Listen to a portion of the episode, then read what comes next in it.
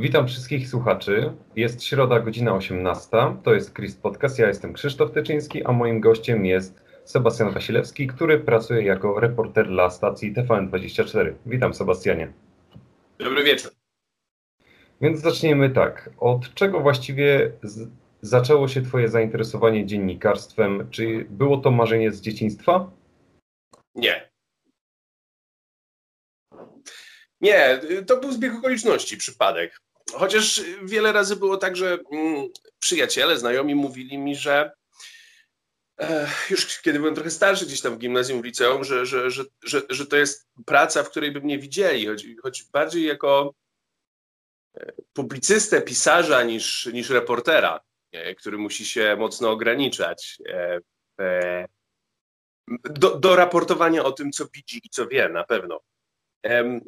Ale nie, to, to, był, to był wielokrotny splot okoliczności. Ale, ale mówiąc wielokrotny, mam na myśli to, że mm, jak skończyłem liceum, mm, to y, dostałem się na staż.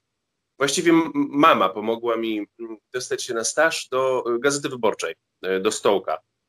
E, I byłem tam przez jakiś czas. E, no po czym staż się skończył, a ja trochę nie wiedząc na jakie studia powinienem pójść, pomyślałem, skoro mam już jakieś doświadczenie w dziennikarstwie, to, y, to złożę, mm, złożę dokumenty i aplikacje do, y, no do szkoły dziennikarskiej, która wtedy wydawała mi się najlepsza w Warszawie, czyli na Kolegium Civitas. E, i to, czyli, czyli, czyli to był ten pierwszy zbieg okoliczności. Drugi zbieg okoliczności był taki, że moim wykładowcą e, na drugim roku kolegium był Grzegorz Miecugow. I on y, podczas którychś zajęć powiedział nam, że szukają stażystów w TVN24. E, by, by, były potrzebne praktyki studenckie, żeby zaliczyć w ogóle studia, więc pomyślałem, że to jest bardzo dobry pomysł, tak? że to jest y, bardzo dobra okazja żeby, żeby połączyć jedno z drugim. E, a i właściwie nie planowałem, nie, nie, nie spodziewałem się tego, że, że mógłbym tam zostać po stażu, mm, ale potoczyło się zupełnie inaczej. I, I tam już zostałem, tam poznałem żonę, e, teraz mamy synka, więc okazało się, że to było wszystko jakieś e, takie pra, prawdziwy palec Boży, dobre zrządzenie losu z tym moim dziennikarstwem. Chociaż dziś zastanawiam się, czy, czy, czy to nie jest już czas na kolejne przygody. A jakie było początkowo Twoje podejście do dziennikarstwa? W sensie, jak o tym myślałeś, o całym tym zawodzie? Mm. Y, na pewno jako młody chłopak wydawało mi się, że dziennikarz ma mm, za zadanie E, mm, wydawało mi się na pewno, że więcej jest w tym mm, tłumaczenia ludziom procesów, że, że czasami może nawet trochę myliłem pracę dziennikarza z, z pracą analityka. Wydawało mi się, sam najbardziej lubiłem duże teksty Jacka Rzekowskiego w polityce, czy, czy bardzo interesowałem się, zresztą do dziś interesuję polityką międzynarodową, więc lubiłem jakieś analizy, na przykład y, Edwarda Lucasa w, w The Economist. I, e, i trochę y, musiałem y, no, poznać praktyki, żeby zrozumieć, że żeby móc pozwolić sobie na tego typu pracę, to naprawdę trzeba mieć kilkadziesiąt lat doświadczenia. A zadaniem dziennikarza, który zaczyna swoją karierę, jest prezentowanie faktów w sposób jak najbardziej wyważony i bezstronny. E, I to, mm, I to było to zderzenie i to, czego nauczyłem się najbardziej w praktyce, już, już, już nie na studiach. Od, y, od mojego pierwszego szefa, e, od moich współpracowników już ze stacji. Mm, to była bardzo dobra nauka. A jak wyglądały pierwsze tygodnie czy miesiące w TVN-ie? Strasznie. Strasznie. No, staż polegał na tym, że przychodziliśmy na dyżury poranne, które zaczynały się o czwartej w nocy, czy czwartej nad ranem. Dla mnie wtedy czwartej w nocy, zdecydowanie. To, było, to był środek nocy. Więc żeby, mm, żeby dojechać na ten staż, ja wtedy mieszkałem na ulicy Ząbkowskiej, TVN jest na Wilanowie, mm, musiałem wstać trzecia dziesięć, szybciutko się ubrać, tak żeby o, o 3.20 zdążyć na, na, na, jakiś autobus. E, potem, potem znaczną część mojej, mojej, mojej pierwszej pensji to już wydałem na, na taksówki, żeby dojechać do pracy, a w jakiś komfortowy sposób. E, no, no i potem trzeba było przygotowywać materiały do serwisów informacyjnych. Na początku uczyć się, jak to robić, a potem pisać teksty dla, dla prowadzących e, program, montować materiały wideo do, do serwisów właśnie. Trzeba było być na bieżąco, tak? Trzeba, trzeba, trzeba było wejść w ten świat. Tak e, nagle. No, znaczy staż w TVN to jest, to jest super rzecz. Nie wiem, jak wygląda dzisiaj, pewnie już trochę inaczej, ale w, tamty, w tamtym czasie mm, no to po prostu bez żadnego spadochronu e, wrzucano cię do wielkiego, do, do, do, do, wielkiego kanionu telewizji informacyjnej e, i musiałeś sobie tam poradzić. E, musiałeś sobie tam po prostu, tam sobie po prostu poradzić. Ja po, po trzech tygodniach stażu e, dostałem możliwość pracy w TVN-ie. Skorzystałem z niej z, z, też z powodów rodzinnych. Nie? Pamiętam, że wtedy było takie. Ja cały czas nie byłem pewien, czy chcę być dziennikarzem ale, ale miałem taką sytuację, że akurat na tym drugim roku studiów moja mama przestała móc wspierać mnie finansowo w takim zakresie jak wcześniej. I po prostu uznałem, że potrzebuję pieniędzy, więc powinienem skorzystać z takiej możliwości. Kolejny przypadek w mojej historii y, y, y, pracy jako dziennikarza. E, I e, i, i, i, I po tych trzech tygodniach, czując się zupełnie niegotowy, no przygotowywałem już swoje pierwsze, króciutkie, bo króciutkie, ale swoje pierwsze mm, jakieś umonty, fot, teksty, voiceoverów, no i inne rzeczy, które informowały setki tysięcy osób w Polsce o tym, co dzieje się na świecie. A czy TVN był pierwszą stacją, do jakiej zamierzałeś pójść, czy może była jakaś inna też? Nie, to była propozycja y, wykładowcy. Wykładowca zaprosił jakąś grupę studentów e, na, na te staże, mm, e, ale gdybym miał wybór, to na pewno wybrał wtedy TVN, tak samo jak, jak dzisiaj. TVN w ogóle jako grupa miał taki transformujący wpływ na polską rzeczywistość. Wydaje mi się, że nie tylko informacja, która w, na początku lat 2000 no, była na zupełnie nowym poziomie. Tak? Mieliśmy wtedy tylko i wyłącznie telewizję polską. Z tego co pamiętam, nie było jeszcze nawet kanału TVP, tak, no nie było TVP Info. E, były te takie e, regionalne telewizje publiczne. Ale, ale nie tylko to, bo też rozrywka, która zmieniała świadomość, która wprowadzała do polskiej kultury różnorodność, to, to, to, była naprawdę duża rzecz. I wydaje mi się, że, że, że z tego względu mm, nasza grupa mm, odcisnęła bardzo takie ważne, znaczy miała ważny i istotny wpływ na, na polską kulturę, mm, na, na, na, na takie unowocześnianie Polski. Nie miałbym wątpliwości, choć wtedy nie był to świadomy wybór. Pamiętam, że na biografii dziennikarskiej, na którą zostałeś do nas zaproszony, wspominałeś o tym, że mógłbyś też pracować w Polsacie, ale nigdy w TVP. Czy mógłbyś to rozwinąć? E, to były zamknięte zajęcia. W publicznym wywiadzie nie, nie będę komentował pracy e, i innych redakcji. No dobrze, a hmm, powiedz mi teraz, czy Twoim zdaniem dziennikarze internetowi są mm, postrzegani jakoś gorzej albo mm, No, po prostu gorzej niż tacy dziennikarze działający na przykład e, w internecie, działający na przykład w dużych stacjach telewizyjnych. Ja uwielbiam dziennikarzy internetowych. Nie, wyda, wydaje mi się, że, że Zresztą zobaczcie, bardzo wiele dużych grup, tak? Mm, e, Onet, tak? Axel Springer tworzy podcasty, kupuje. Spójrzcie na Rafała Gęburę, też absolwenta Collegium Civitas, który został kupiony przez jedną z największych, przez jeden z największych koncertów dziennikarskich na świecie, przez, przez Axel Springer i, i teraz pracuje dla nich, mimo tego, że przez wiele lat um, był zupełnie niezależnym youtuberem, ale jak rozumiem, ta umowa pozwoliła mu zachować niezależność, a jednocześnie zdobyć nowe możliwości um, prezentowania swoich treści, tak, swojego kontentu.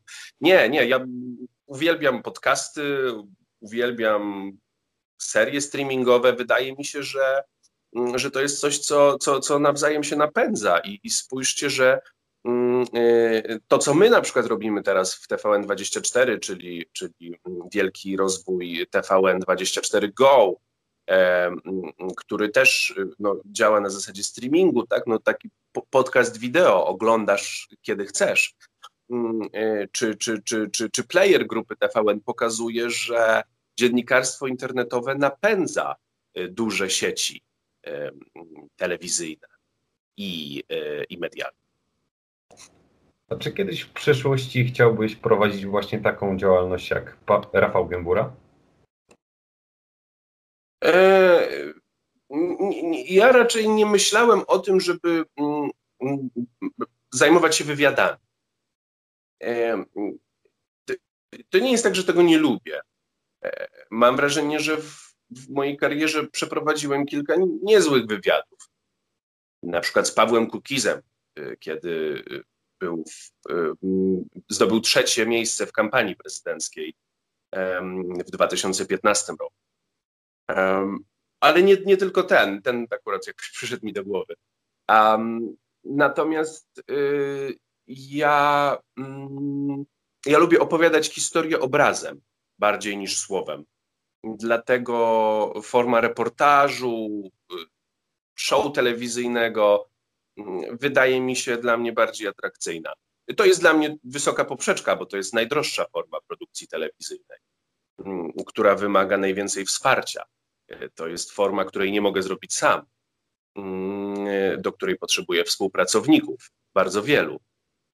Więc jest to dodatkowe wyzwanie, ale, wyda ale wydaje mi się, że, że, że po prostu tak opowiadać historię umiem najlepiej, tak? Niekoniecznie e, brylując na antenie, zadając błyskotliwe pytania, ale obserwując to, co jest dookoła mnie, e, nagrywając to, rejestrując, e, a potem łącząc w jakąś spójną historię. A czy oglądałeś kanał Rafała 7 metrów pod ziemią? Tak regularnie? Regularnie nie, ale tak jak mówiłem, bardzo go lubię. Bardzo, bardzo uważam, że jest świetnym dziennikarzem. No tak, Rafał przeprowadza bardzo profesjonalne wywiady, to trzeba też przyznać. Tak, tak, i tak, oczywiście. To są, to, są, to są świetne wywiady. To są, to są wywiady, które moim zdaniem absolutnie mogłyby się znaleźć na antenie wielu polskich, europejskich i światowych telewizji. Jak najbardziej. Dobrze. Następne pytanie brzmi tak. Y, tworzyłeś również cykl wywiadów Betonowy Sufit. Relacjonowałeś kryzys migracyjny w Europie, wybory parlamentarne i prezydenckie w Polsce, a także zajmowałeś się konfliktem na wschodzie Ukrainy. Twoje, widać, Twoje doświadczenie jest bardzo bogate. I jakie są plany na najbliższy czas? Moje osobiste plany. Mm, w tym momencie myślę mm, na temat, na temat pandemii na temat tego, jak pandemia zmieniła e, nasze społeczeństwo i na nasze zdrowie psychiczne. Nie wiem jeszcze, czy to będzie, mm, czy to będzie jakaś, e, jak, jakiś, jakiś cykl telewizyjny, czy, czy, czy, czy może raczej teksty, które też zdarza mi się pisać, mm, ale e, chciałbym zająć się plagą koszmarów sennych. Psychologowie i specjaliści od snu mm, informują, że w wyniku pandemii liczba osób zmagających się z zaburzeniami snu, bezsennością, nawiązającymi straszliwymi koszmarami wzrosła kilkusetkrotnie. E, więc to wydaje mi się strasznie ciekawe, żeby dotrzeć do ludzi, namówić ich, żeby w szczerych wywiadach opowiedzieli o swoich najgorszych koszmarach, o, tych, o, o, tym, co ich trapi, i spróbować z tej historii ułożyć, z, z, takiej, z takiej mozaiki, ułożyć jednak um, obraz tego, co dzieje się e, z naszym społeczeństwem i z naszym światem e, podczas pandemii. Mm, to jest pomysł, który niedawno przyszedł mi do głowy mm, i który y, teraz y, mm, staram się jakoś dokumentować. Y, na razie sam dla siebie. No, myślę, że to jest naprawdę ciekawy pomysł spojrzeć na pandemię od takiej trochę bardziej ludzkiej strony niż e, zajmować się czy to polityką, czy to ekonomią. Naprawdę ciekawe, przyznam. A według Ciebie, na co, powinien, na co powinna się przygotować osoba, która zamierza zacząć pracę w tym zawodzie? E,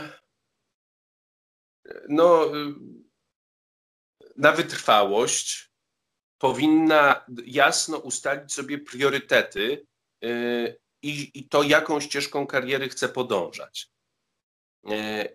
Jeżeli mówimy, ograniczamy teraz dziennikarstwo do dziennikarstwa telewizyjnego, czy może raczej dziennikarstwa, dzisiaj trzeba było powiedzieć już dziennikarstwa wideo, dziennikarstwa związanego z, z produkcją y, y, telewizyjną, bo, bo, często to dziennikarstwo jest już w internecie, y, a nie w, w, telewizji naziemnej czy kablowej. E, no to powinna wiedzieć, czego chce, tak? Czy chce być producentem, reporterem, czy chce prowadzić programy, czy chce specjalizować się w wywiadach, czy w dokumentach, y, czy może w y, OFach, y, czyli krótkich materiałach informacyjnych, tak zwanych newsach. Powinna to, to, to wiedzieć. No, generalna zasada moim zdaniem jest taka, że jeżeli masz jakieś, jakieś marzenie, to, to zobacz, kto je spełnił. Znajdź taką osobę, która spełniła to marzenie. I pójdź do niej zapytać się, jak trafiła w to miejsce, w którym jest teraz. Więc jeżeli chcesz być prowadzącym program, znajdź swojego ulubionego prowadzącego. Próbuj do niego dotrzeć na wszelkie sposoby, przez znajomych, przez sieci społecznościowe, przez jak nie drzwiami, to, to oknem. I zapytaj się, jak to zrobił, a potem spróbuj to naśladować. Oczywiście dodając od siebie tyle, ile możesz. Mm, więc, więc to jest kwestia, moim zdaniem, najbardziej, naj, najważniejsza jest, jest ta decyzja na początku. Bo mm, nie ukrywam, że, że trudno jest w zawodzie dziennikarza y, się y, przebranżawiać. I, i, I im dalej jesteś w tym zawodzie, tym jest trudniej.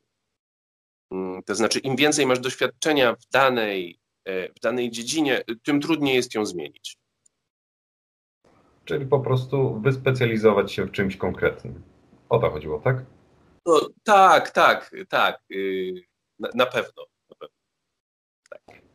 No dobrze, a w takim razie powiedz nam teraz, jak przebiegały prace nad dokumentem Najdłuższy proces Kościoła oraz jak w obliczu tak bulwersującego tematu zachować dziennikarską rzetelność oraz profesjonalizm. Oczywiście nie poddając się emocjom.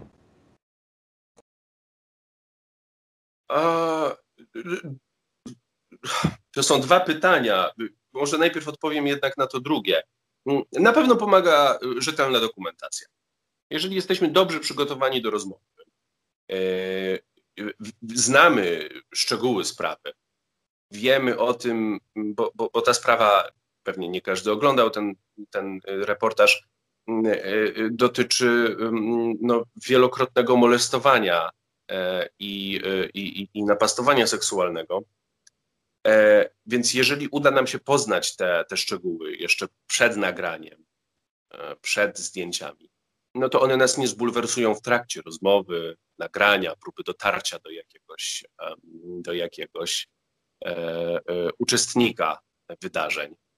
Jesteśmy wtedy troszkę bardziej na nie odporni no bo wiemy już, z czym będziemy się, się spotykać. Wydaje mi się, że takie przygotowanie e, pomaga zachować zimną krew. E, jeśli chodzi o to, jak przebiegały prace, to przebiegały one nietypowo, ze względu na to, jak e, ważny był to społecznie temat mm, i jak, mm, jak wiele lat mm, był on już relacjonowany, ale nigdy wcześniej ofiary pedofilii ze strony księdza Andrzeja Dymera nie ujawniły się i nie zabrały głosów w tego typu wywiadzie, jak, jak w tym moim reportażu, to uznaliśmy, że możemy pracować w trochę nietypowy sposób. To znaczy, ja miałem bardzo dużo dni zdjęciowych, dużo dni dokumentacyjnych, jeździliśmy na dokrętki, czego często się nie robi e, w, w, w, telewizji informacyjnej, bo po prostu nie ma na to czasu. Tak? Antena telewi takiej telewizji e, czy takiego kanału e, chce ciągle żyć i ciągle dostarczać nowe, ważne informacje. Mm, więc, więc tutaj ta praca była nietypowa. Praca nad, nad reportażem trwała mm, około trzech miesięcy i E, była też wyczerpująca e, tak e, psychicznie. Ja nagrałem do reportażu dwie ofiary księdza, zakonnika, który, który także był w pewnym sensie jego ofiarą, bo, bo spędził całe życie na, na, na, na próbie ujawnienia jego przestępstw, jego domniemanych przestępstw. Ale, ale bez skutku spotykał się tylko z szykanami w kościele i poza nim. Mm, on też y, udzielił bardzo otwartego i osobistego wywiadu. E, I ja miałem to poczucie, że jestem trochę za nich wszystkich odpowiedzialny. E, te zdjęcia przedłużały się, konsultacje z prawnikami przedłużały się, oni się niecierpliwili, chcieli, żeby ten materiał ujrzał już światło dzienne. Dla mnie to były trzy trudne miesiące, ale dla nich prawie całe ich, a nie właściwie całe ich dorosłe życie ta sprawa. Więc, y, mm, więc to, to, to było trudne. Tak? Z jednej strony sprostanie oczekiwaniom y, wydawców, y, prawnika, pani, pani, pani prawniczki, która bardzo, bardzo wsparła mnie w, w przygotowywaniu tego, tego materiału, tekstu do niego. E, a z drugiej strony no, uspokajanie i zapewnianie bohaterów filmu, że że wszystko jest ok, że ten materiał na pewno będzie wyemitowany. Oni też mieli w pamięci to, jak wiele mm, e, materiałów o księdzu Dymerze nigdy nie ujrzało światła dziennego ze względu na naciski e, rozmaitych e, aktorów sceny publicznej.